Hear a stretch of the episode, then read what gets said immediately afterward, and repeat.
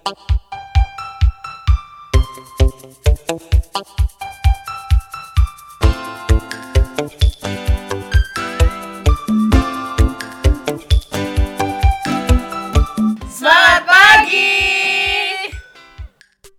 datang di Bimbel. Di mata pelajaran hari ini kita bakal ngomongin tentang mental health. Kali ini kita kembali ke formasi original Bimbel. So, without further ado, let's discuss.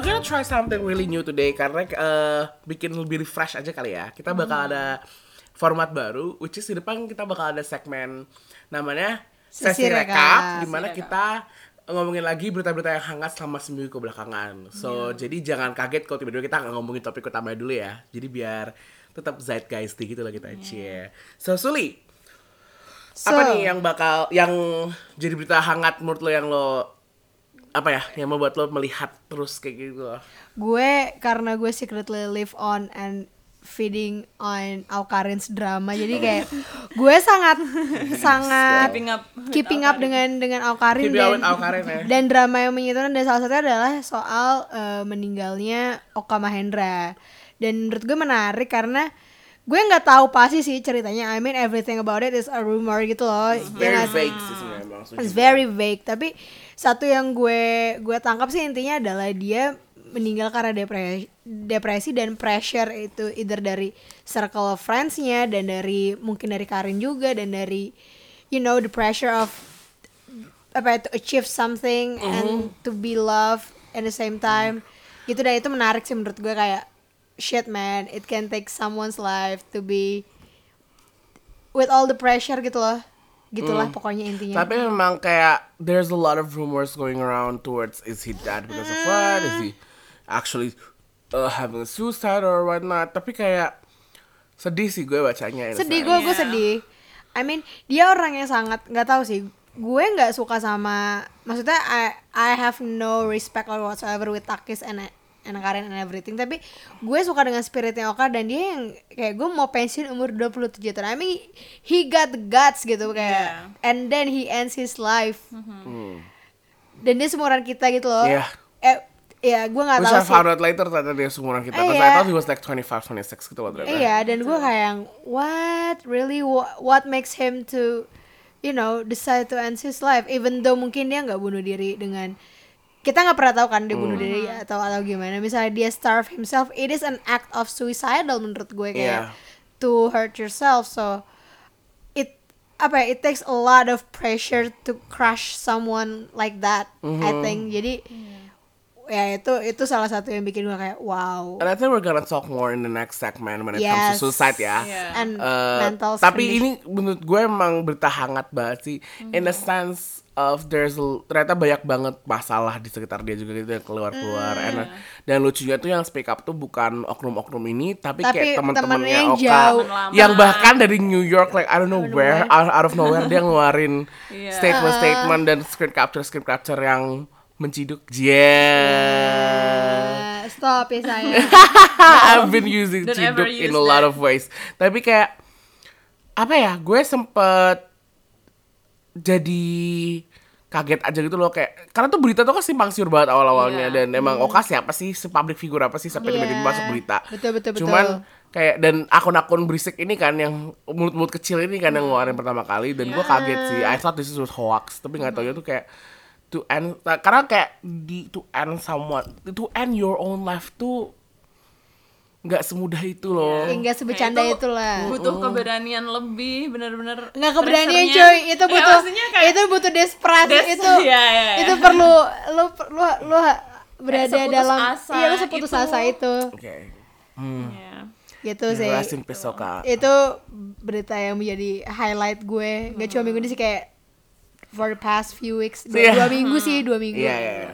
Kalau Sul Surya yang kalau aku sih yang kemarin loncat dari apa ya dari getaway kemarin yang kakak beradik itu Mhm. em, aku malah menyoroti maksudnya itu tadi kan Suli ngomongin tentang eh, okanya eh, orang yang mengakhiri hidupnya sendiri kalau ini aku lebih menyoroti ke orang-orang yang eh, di sekitarnya kayak kemarin itu malah aku tahu kejadian itu dari video instastory yang viral itu loh yang bahkan itu ada captionnya. Gila ya, itu serem banget Iya sih. makanya maksudnya kayak harusnya aku berharapnya kayak gini-gini tuh baru baru taunya dari ya dari berita. Maksudnya itu udah udah eh, emang eh, apa ya terpublish dengan benar gitu loh. Kalau kemarin itu benar-benar kecewa sih sama eh, yang mbak-mbak yang merekam itu. Kayak dia nggak berusaha lari untuk Ngedobrak Ha, maksudnya ya itu dia malah sem- masih sempet buat buka Instagram buka story, Instastory. dan dia mikir caption gitu loh. Buat ngepost itu di ada captionnya itu yang aku kecewa sih itu ha, makanya maksudnya kayak uh, starts fr- from now kayak kalian paling nggak nyimpen nomor polisi lah uh, nomor satpam paling nggak rumah sakit. Yang kayak gitu. Intinya guys in in uh, dalam keadaan darurat yang dilakukan adalah menelpon pihak yang berwenang iya Bukan buka Instastory. story stories. Oh my god. itu sih yang gue sayangkan ya karena gue juga kalau jadi mbak Maya gue mikir kayak gue sih at least gue akan nelfon security biarpun kalau gue nggak berani turun ya Iya. gue akan nelfon security kayak papa papa itu di, di di unit ini kayaknya ini deh coba didobrak deh gini gini gini gini atau nggak cuma mbak mbak itu sih kayak orang-orang yang ada di bawah itu pun juga kayak dude iya Tapi without ngejudge mbak-mbaknya, gue pengen, gue cuma penasaran sih jalan pikiran dia untuk akhirnya membuka Insta story instead of kok paling nggak teriak tolong, ngerti gak maksud gue? Iya. I think panic sih kayak gue nggak tahu harus ngapain terus kayak you know it is kayak bikin sasora itu udah satu hal yang Iya. terinternalisasi dalam Hmm. diri kita mungkin gitu. maybe kalau biasanya kan orang-orang kalau panik diem nggak tahu mau ngapain Ah. gitu kan cuman ya mungkin Mungkin in this era hmm. I don't know but ya kecewa aja sih Aneh gitu. banget Ha. sih. maksudnya kayak jadi jadi buat teman-teman kayak lebih aware aja buat Plus, sekitarnya teman-teman kalau mendapati kejadian seperti itu atau mendapati kayak kecelakaan atau apa please do not take pictures and share it to oh that one no agree it's, 100%. it's not okay it's not cool it's not cool Tapi emang pak, tapi emang kayak parah sih. Gue aja melihat loh video itu. Gue harga, gue bilang, gue harus bilang kalau gue nggak sengaja tuh video itu karena itu tiba-tiba muncul aja di timeline Twitter gue. iya. Just kayak serem. Dan Iya.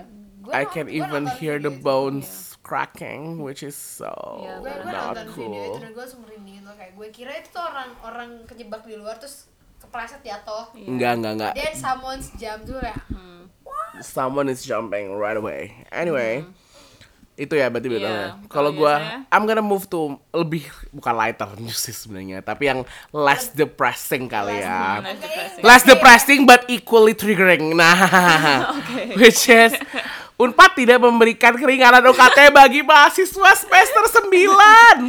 Are you Yeah. fucking kidding me, girl? For real, kayak ya, sampai Yeah, itu- ya lo gue barusan ngeliat sampai gitu banget.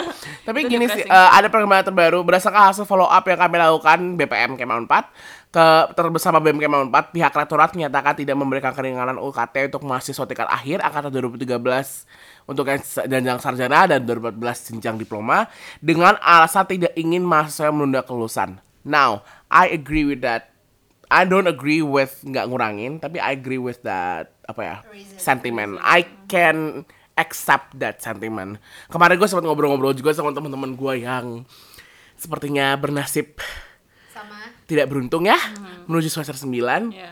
Em, iya sih gue ngerti kalau misalnya dikurangin pasti ada yang kayak aduh jadi mal ya udahlah ntar tiga bayar cuma segini I get that sentiment but with that said masih banyak option yang bisa gue dilakukan gitu loh. Karena maksudnya gini gue cuma buat skripsian 6 million tuh nggak Iya. banget gitu loh. My favorite apa ya favorit gue eh apa ya, favorit gue sorry.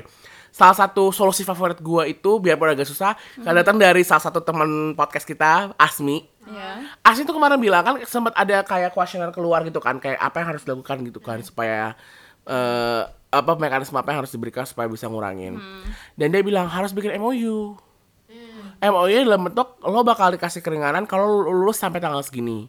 Setelah lo tanggal segini lo nggak lulus juga, lo akan bayar full 6 juta. Which is menurut gue lebih make sense dan itu Iya. membuat orang juga tertrigger untuk apa ya terpacu Kepicu untuk ya udah gue mau lulus mau lulus tanggal segini. Ibaratnya udah dibantu gitu. Cause I think it's unfair to for 6 XKS lo bayar 6 million which is Iya. satu SKS 6 juta, 1 juta kan which is kayak nggak banget loh dan lucunya adalah ternyata gue baru tahu bahwa eh, advokasi di berbagai universitas lain yang sama tuh berhasil Itu berhasil. Iya. which is gua bu- baru gue tahu dan kayak ah unpad nih gimana ya cuman gue udah Lagi kejar setoran, Pak. kejar setoran sih itu sih kalau kata gue jadi kayak ya itu sih yang membuat gue gue sangat menyayangkan dan gue sangat kecewa dengan decision yang sudah diberikan mudah-mudahan kabar-kabar soal penangguhan tuh masih bisa Amin. terjadi ya amin Iya. Mungkin sih satu sesi podcast session Iya. entah. Iya entahlah we don't know I don't know. Dan pokoknya jangan sampai hal ini bikin kalian depresi guys. Ha, iya Ini jangan jangan biarkan ini buat kalian breakdown and cry. Gak apa sih kalau cry aja. Cry baby ya? Cry cry baby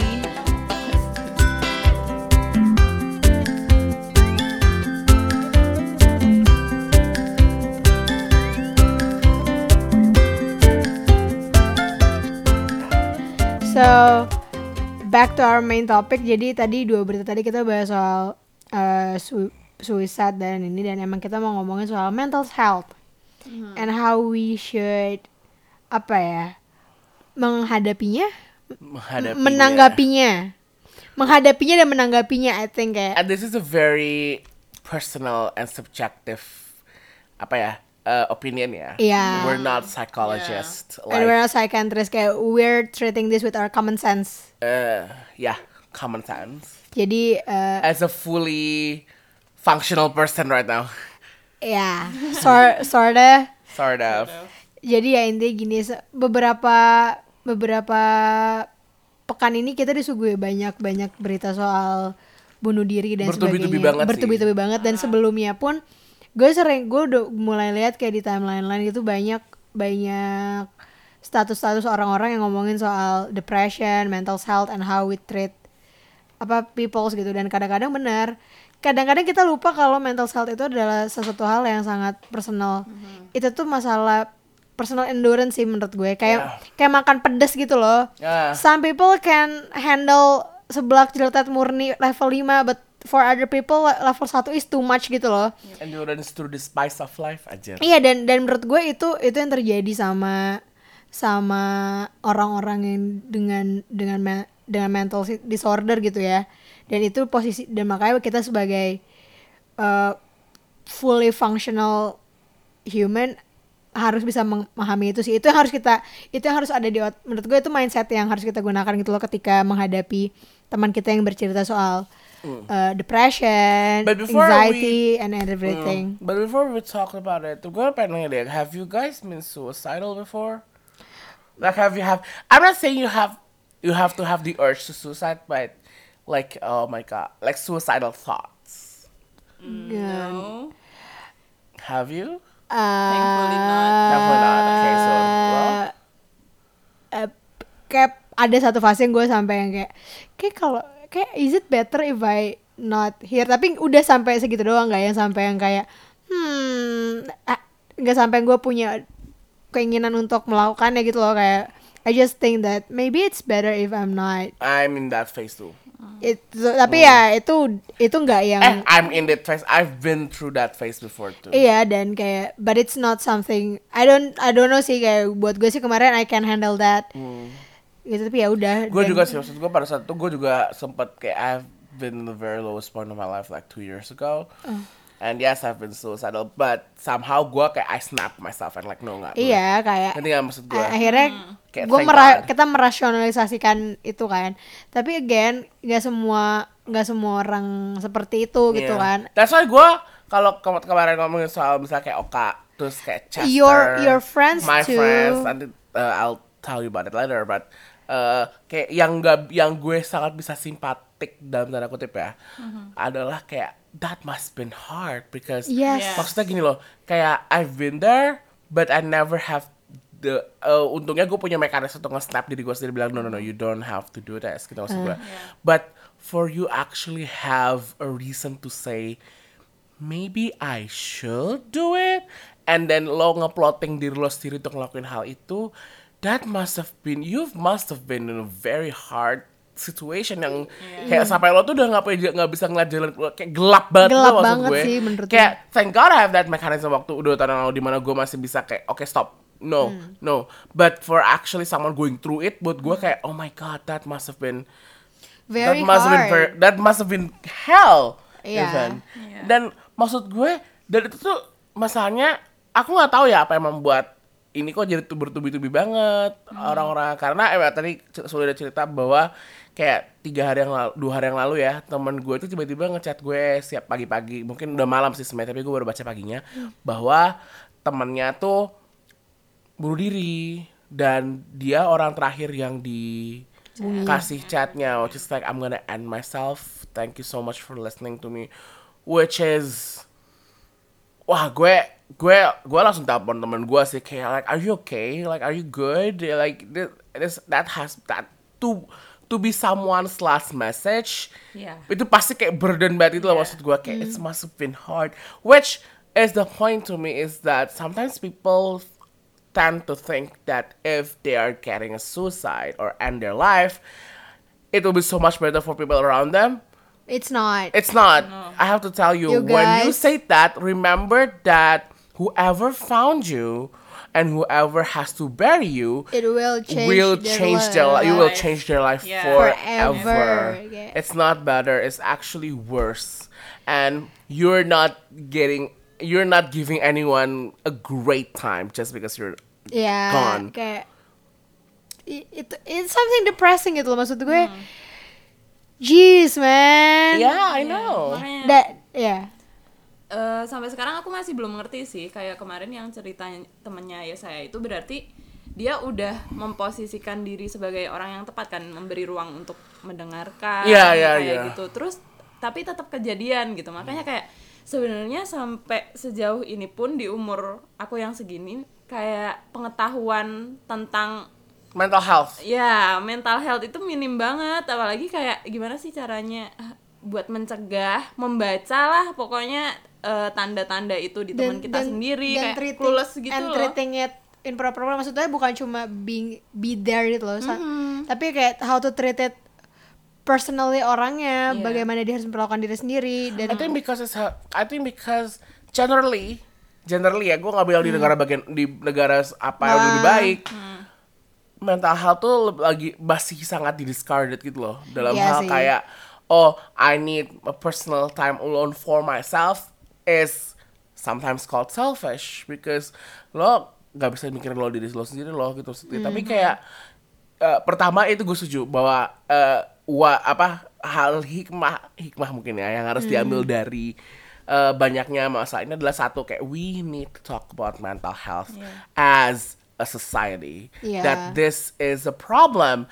Mental health tuh nggak ada gray area di mana orang tuh sakit jiwa enggak tapi, Tapi sehat juga juga enggak, enggak, ngerti nggak? iya. That gray area can lead to depression, I think. Ngerti nggak maksud gue? gak cuma depresi maksud gue itu banyak A sih lot of things. kayak anxiety dan banyak sih maksud gue dan orang-orang tuh terlalu ya benar generally speaking orang-orang tuh masih masih punya stigma yang jelek soal mental health Yeah. dibilang ada yang bilang nggak beriman lah makanya Yeah. ini Yes. atau apalah atau apalah atau apalah dude look these people are apa ya kadang-kadang bukan karena mereka nggak beriman men malah ketika ketika lo kayak lo pernah bilang ya waktu itu ke gue jadi Hmm. ketika justru ketika lo lo berada dalam state depression or anxiety Oh, itu yeah. lo tuh perlu ngomong ke orang ya kan lo perlu cerita lo perlu apa ketik apa the act of praying is to have that internal Intra- internal communication. internal communication with Udah yourself. Nah, people in that state, that interpersonal communication is failing. Iya. Intrapersonal, sorry. Intra, sorry, Intrapersonal. intrapersonal communication is failing. They can't talk themselves out of it gitu loh. Kayak it's stuck, it's dark there. So menurut gue, ya berdoa mungkin jadi salah satu ini ya untuk untuk mengingat-ingat segala macam, bersyukur dan segala macam. Cuma But you still need to talk about it. Iya. Yeah, but we still need to talk about it kayak how to treat yourself, your friends, with in that is in that state gitu. And I think as much as lo bisa ngomong lo bisa ngomong kayak ah dia kurang iman kuatnya nggak imannya nggak kuat trala trala dude it's not about religion and spiritual. Yeah. spiritual tuh sangat intra gitu maksud gue and when you are quote unquote broken as a person and you cannot have those conversation within yourself anymore you need to let it out Iya. Nggak sih? Terserah mau cerita sama siapa. Kalau mau lo mau, mau melakukannya secara agama, lo mau cerita sama pastor, mau cerita sama ini, lo Iya. itu terserah. But you cannot just say pray. Soalnya As much as I get the power of praying, these people doesn't need to internalize things anymore. They, they need to let it out Out. and talk to someone. Ngerti gak maksud gue? kalau udah di titik itu kayak mungkin mereka ketika berdoa pun mereka merasa udah nggak ada jawaban makanya mereka ada Maybe. di titik Hmm. itu Iya. kan completely nggak kayak kalau kita ngejudge mereka mereka nggak beriman atau apa tuh kayak malah bikin No. lebih depressing lagi Iya buat mereka malah kan you just make them feel worse. Worse. Worse. So iya sih ini ini depressing ya topiknya. Tapi emang ya kita, I, I think we need to talk about mental Iya health. sih benar. Tapi itu gue gue harus bilang eh, yang tadi gue harus tekankan tadi, which is like their uh, mental health is never been spoken to anyone, uh, never been spoken out loud. And then the second to me adalah orang tuh nggak tahu soal gray area yang tadi. Gini deh, gue cuma bisa ngasih, gue cuma bisa ngasih anekdotnya, anekdot bukan anekdot sih, kiasannya seperti ini.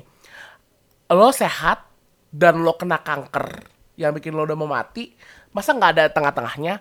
Kalau misalnya lo flu lo dikira sakit, tapi kan tuh flu yang sakitnya bisa disembuhkan kan? Ini maksud gue flu Ya, itu sakit ringan gitu enggak, maksud gue. Flu tuh sakit yang lo masih bisa function gitu. Nah loh. itu maksud gue. Nah I think there is that gray area on mental health where you are not depressed, but you are sad and you need to talk about it and you need help, but you still function. Maksud gue gitu loh. But but if it's not being treated well, it can lead to other things. and and, the- and people should know that depression is caused by a lot of things kan Hmm. dari mulai ada yang emang biological kayak emang ba- emang lo born with it Hmm. bukan berarti lo born sad tapi kayak your You your have that body- tendency. you have that tendency kayak there's something in your hormonal and nerve system that makes you a more sad person gitu kan Yeah. Iya.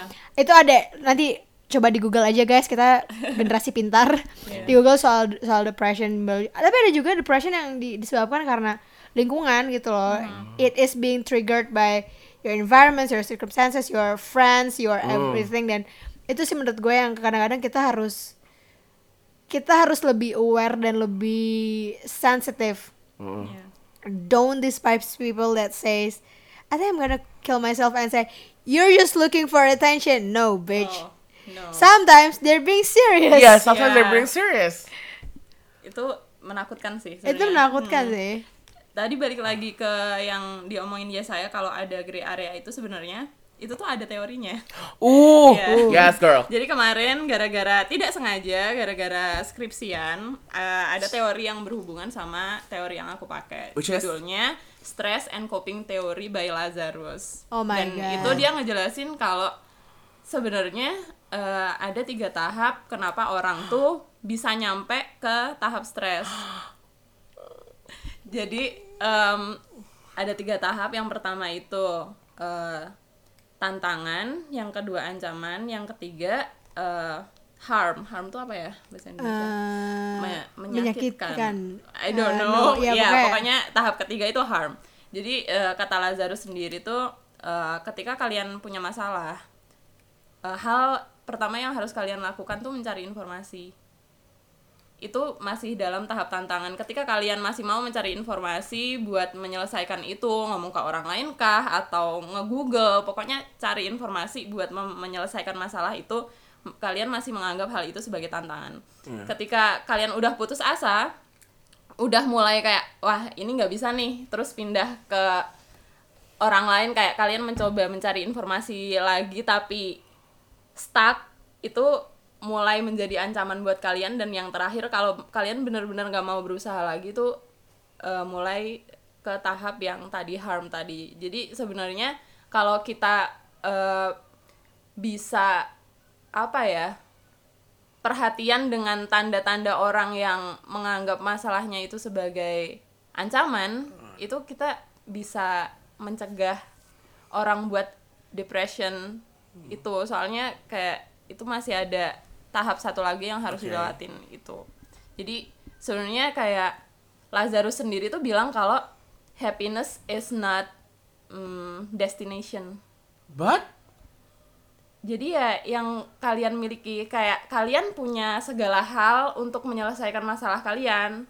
Kalian bisa menggunakan hal-hal di sekitar kalian buat mencari informasi gimana sih cara men- menyelesaikan masalah ini gitu. Kayak itu nggak harus berwujud manusia loh ya gitu.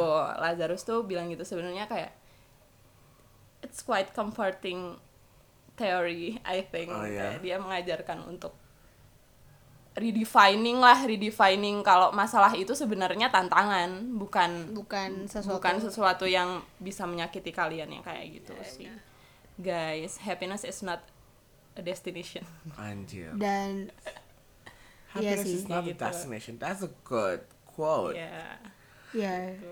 But apa ya? Gue tuh masih itu, itu tuh itu tuh masih sangat apakah itu tabu untuk dibicarakan sampai gue masih gak ngerti loh kenapa kita we never teach we never being thought about karena solusinya nggak tahu sih I gue don't know gue gue nggak ngerti sih cuma gue ngerasanya kalau di in our society at least kayak people still think ya solusinya adalah lo kembali ke Tuhan men kayak nggak bisa gitu no. loh. what about the people Kalau gitu berarti- percaya sama Tuhan dong? Dan menurut gue gini ketika dia it they they turn to God and then they still kill themselves so God kills them God doesn't hear them gimana dong? Dan maksud gue gitu loh kayak orang-orang tuh sini masih kayak at least in our society ya Berarti seakan-akan kalau misalnya kalau misalnya kalau lo masih bilang society thinks that depression or things like that is a failure of you to achieve spirituality towards or reli- the religion gitu maksud gue ya. Artinya kalau lo ke terapis dan lo mencari itu tuh suatu bentuk hedonisme dong berarti. I don't know problem ya gue gak ngerti Seakan-akan kayak kebahagiaan yang lo capai itu mau kebahagiaan yang diinginkan agama ngerti nggak lo? Sehingga lo depresi. Which is kayak Iya. that's more depressing than it than it sounds gitu.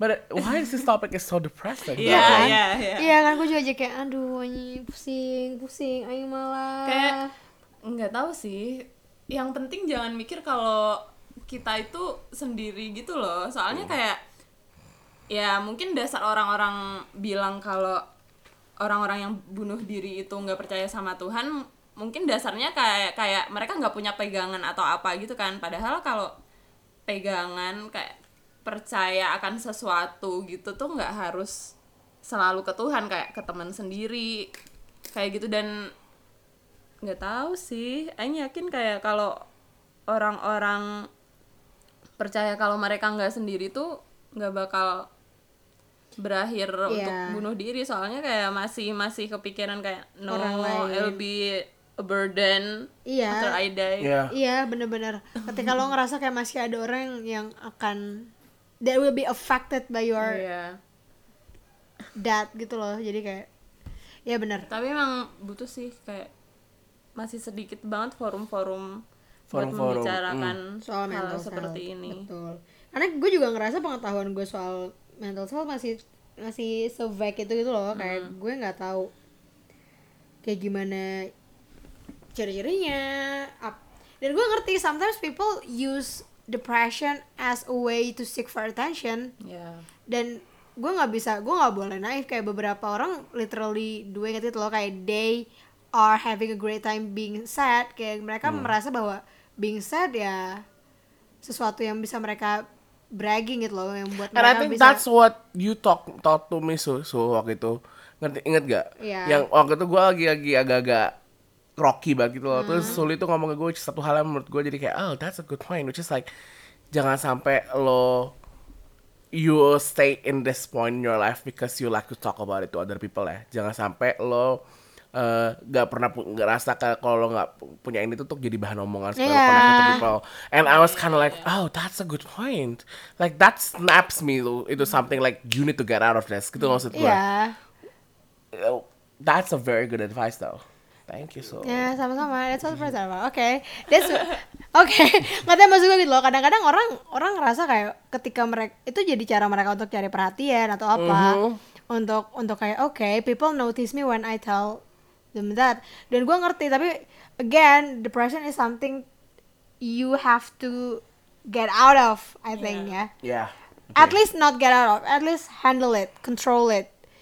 Nggak control it sih. Gue jadi kayak sounds like you cannot have depression guys sebenarnya nggak Enggak. gitu kayak ya, lo if it's your condition it's okay tapi I think control it in the sense of when you feel like you cannot take it anymore, talk to someone. Yeah. Like you have to be fully in control of yourself. Kemarin Zaki, eh, Zaki, sorry, teman gue tuh pernah ngomong satu hal yang gue suka, which is kayak eh, ceritanya adanya itu sempat agak-agak depresi dan dia bilang kayak yang gue lihat adalah mereka tuh udah nggak bisa handle diri mereka sendiri ngerti nggak maksud gue. They apa what they need is to be coached to be confident in order uh, for them to actually take their own life again to take sorry bukan take their own life ya pick up their own life and then mm. say that okay I need to be more in control of my own body and my own self. Mm-hmm. That's what they need the confidence. And you have to coach them to have that confidence again gitu maksudnya mm.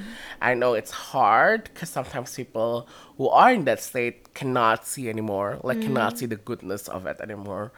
But I think as somebody who is apa ya near them and teman baik lo atau mungkin hmm. orang terdekat lo ya what you can do is understand that hmm. they are in this acknow- uh, first I think it's acknowledge the fact that yes they are depressed. Hmm. Kalau memang terjadi this is not a scheme for them to be famous or to have a lot of conversation towards them but it's genuinely an unpleasant experience for this person. Iya.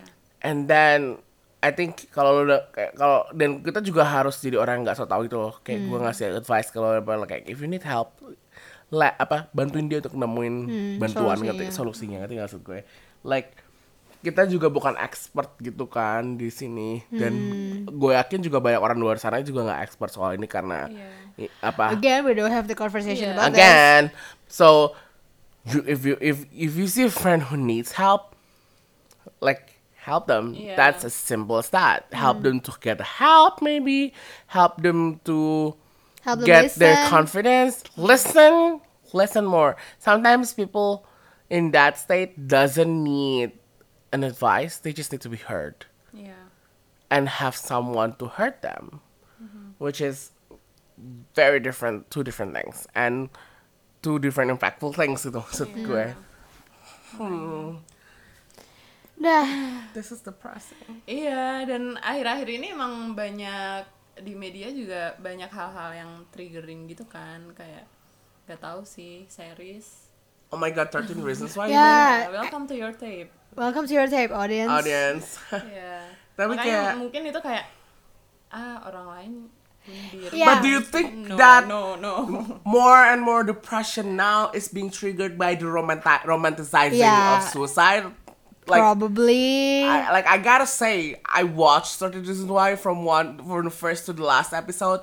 It is triggering. Yeah. If you have like legit mental health, about legit mental illness, like you're not in a good space right now, it's legit triggering.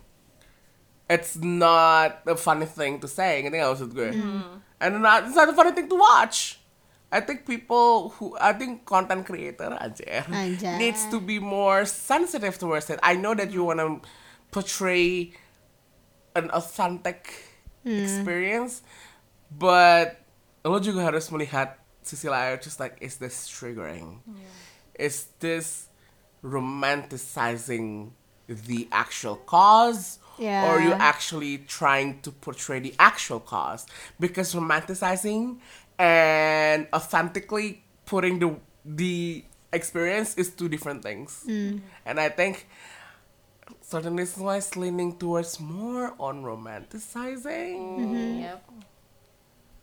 It's so weird. Yeah. So what should we do? I think we should Save police number.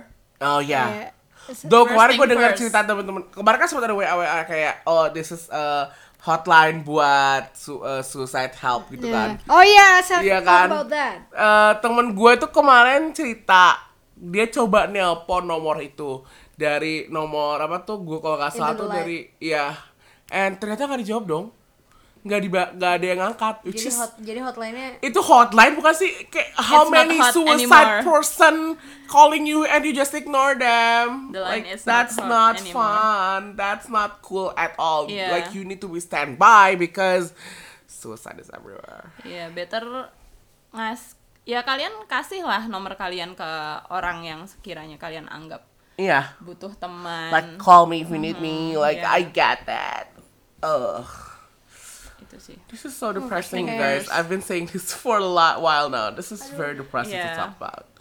But we, but it's necessary to talk about it. Yeah. Necessary.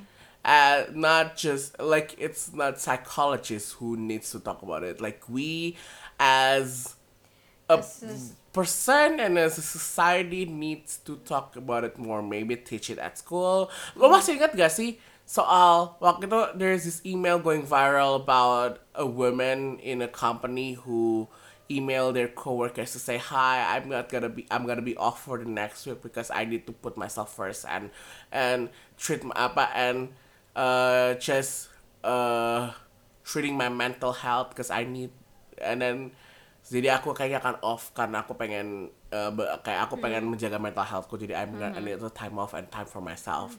And then uh, the CEO of the company reply back to replies back to the woman says thank you for saying that because I want this company to be a safe space for you to actually talk about your mental health. And if you need a time off if you think you already bothered and you're already not feeling refreshed and you need a time to put back and re- re- recharge your mental health it's okay gitu. Yeah. And Aw. yeah, nggak? that is a good thing when mm. you're. I think we, as a person who knows better, needs to start putting your mental health first and the people's mental health first. It's not just you. Yeah. It's everybody's because we're living in a world where everything is so easy and fully functioning and very uh, apa ya and dengan adanya gue suka deh kemarin dengan adanya smartphone tuh kadang-kadang kita tuh dia, dia smartphone tuh bisa membuat kita bisa ngelakuin tiga hal dalam yang bersamaan. And because of that we as a person and we as a worker is expected to give that kind of high util utility work ethic gitu maksud gue when in fact ya nggak semua bisa kayak gitu gitu Iya, benar.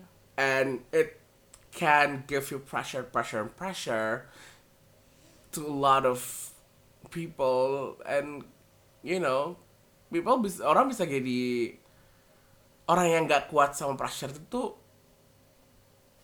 bisa jadi ngelakuin hal yang nggak enggak kan Iya. ya. Iya. Yang enggak kita harapkan. oh yang tidak kita duga. Soalnya oh, aku baru inget. Dulu tuh ada sempet eh, berita viral gitu, ada suami istri di desa yang mereka eh, dengan sadar eh dengan sadar gimana ya? They're not in depression kata katanya di berita itu. Mereka tuh nggak depresi. Mereka secara eh, mereka bunuh diri gara-gara eh, anaknya udah nggak bisa diomongin lagi. Jadi anaknya tuh kayak yang terlilit banyak hutang, kayak ngebohongin orang dua orang Oh tuanya ini mulu dan mereka udah nggak punya banyak duit. Jadi kayak di suratnya bahkan di suratnya tuh mereka berdua eh, ini eh, nulis. Jadi kayak eh, intinya gini kayak nak ini bapak sama ibu mau ngadep ke Tuhan doain ya kita berhasil yang rukun sama saudara kamu ini emas dan motor kita tinggalin terserah kamu apain Anjir, demi apa lo? yang penting rukun sama adiknya yang kayak gitu maksudnya mereka masih percaya Tuhan coy yang kayak gitu kayak Oh my god. but again suicide it's not good guys no, it's not an option that's it's not an option Oh my god. sedih banget itu I think that needs to be the Tapi emphasize of this. gue Suicide gue is an punya option. tapi gue juga sempat dengar cerita juga jadi ada satu bapak-bapak gitu dia tinggal di di rumah jadi agak terpencil tapi di dekat tebing Mhm. nah sering banget ada orang mau loncat dari tebing itu oh kata bapak-bapak ini nah iya dan Oh si ya? bapak-bapak Di mana? ini aduh gue lupa di mana nah si bapak-bapak ini tiap ada orang yang udah mulai jalan ke tebing sendiri Ah. terus udah mulai ngelamun akan dipanggil sama dia hey ngapain apa kabar Oh iya, iya. namanya siapa dari mana, mana, ayo kita ya. ngobrol-ngobrol masuk dulu lah kita ngopi, Ngopi. dulu ngeteh dulu ada Demi apa? namanya and it saves lives guys Iyalah. Kayak that's iya all they need gitu Iya. sometimes discouragement is needed Iya. dan gue kayak gue pas itu kayak my my heart is Iya, warm bener sih. Ka- Ketika ada teman kalian yang ngelamun kelamaan di pinggir jendela apalagi Oh my God, that's Udah scary. mulai di lantai berapa tinggi, gitu kan. coba mulai diajak ngobrol Ajak lagi. ngobrol. jangan tiba-tiba kayak Iya. "Ih, puff We know, we don't know. We know nothing guys Iya. we know kita nothing clueless Know banget nothing. ini tentang mental health. We really know nothing, girl. Mhm. Okay. Do we want to Depresi. talk about this Kayaknya- So, jadi kalau kalian punya informasi lebih, terutama kayak buat teman-teman dari psikologi yang lebih tahu hal ini, kayak mungkin let's bisa share. let's share let's discuss it even more kayak let's make the conversation mungkin Yeah, Yeah. let's make the conversation. Yep. That's the shit. ya poinnya itu sih guys Iya, sebenarnya dan buat Yeah. teman-teman yang lagi di titik terbawahnya mungkin merasa lagi down banget. remember Do Eh, not hesitate to bisa talk to kontak some kami person. langsung, Bisa kontak kami. Bisa kontak kami langsung. bisa kontak kami langsung Tweet me or Yeah. DM me. DM I me. will for, for sure talk to you. Iya. Oke. yes gitu Okay. So see you next time Bye.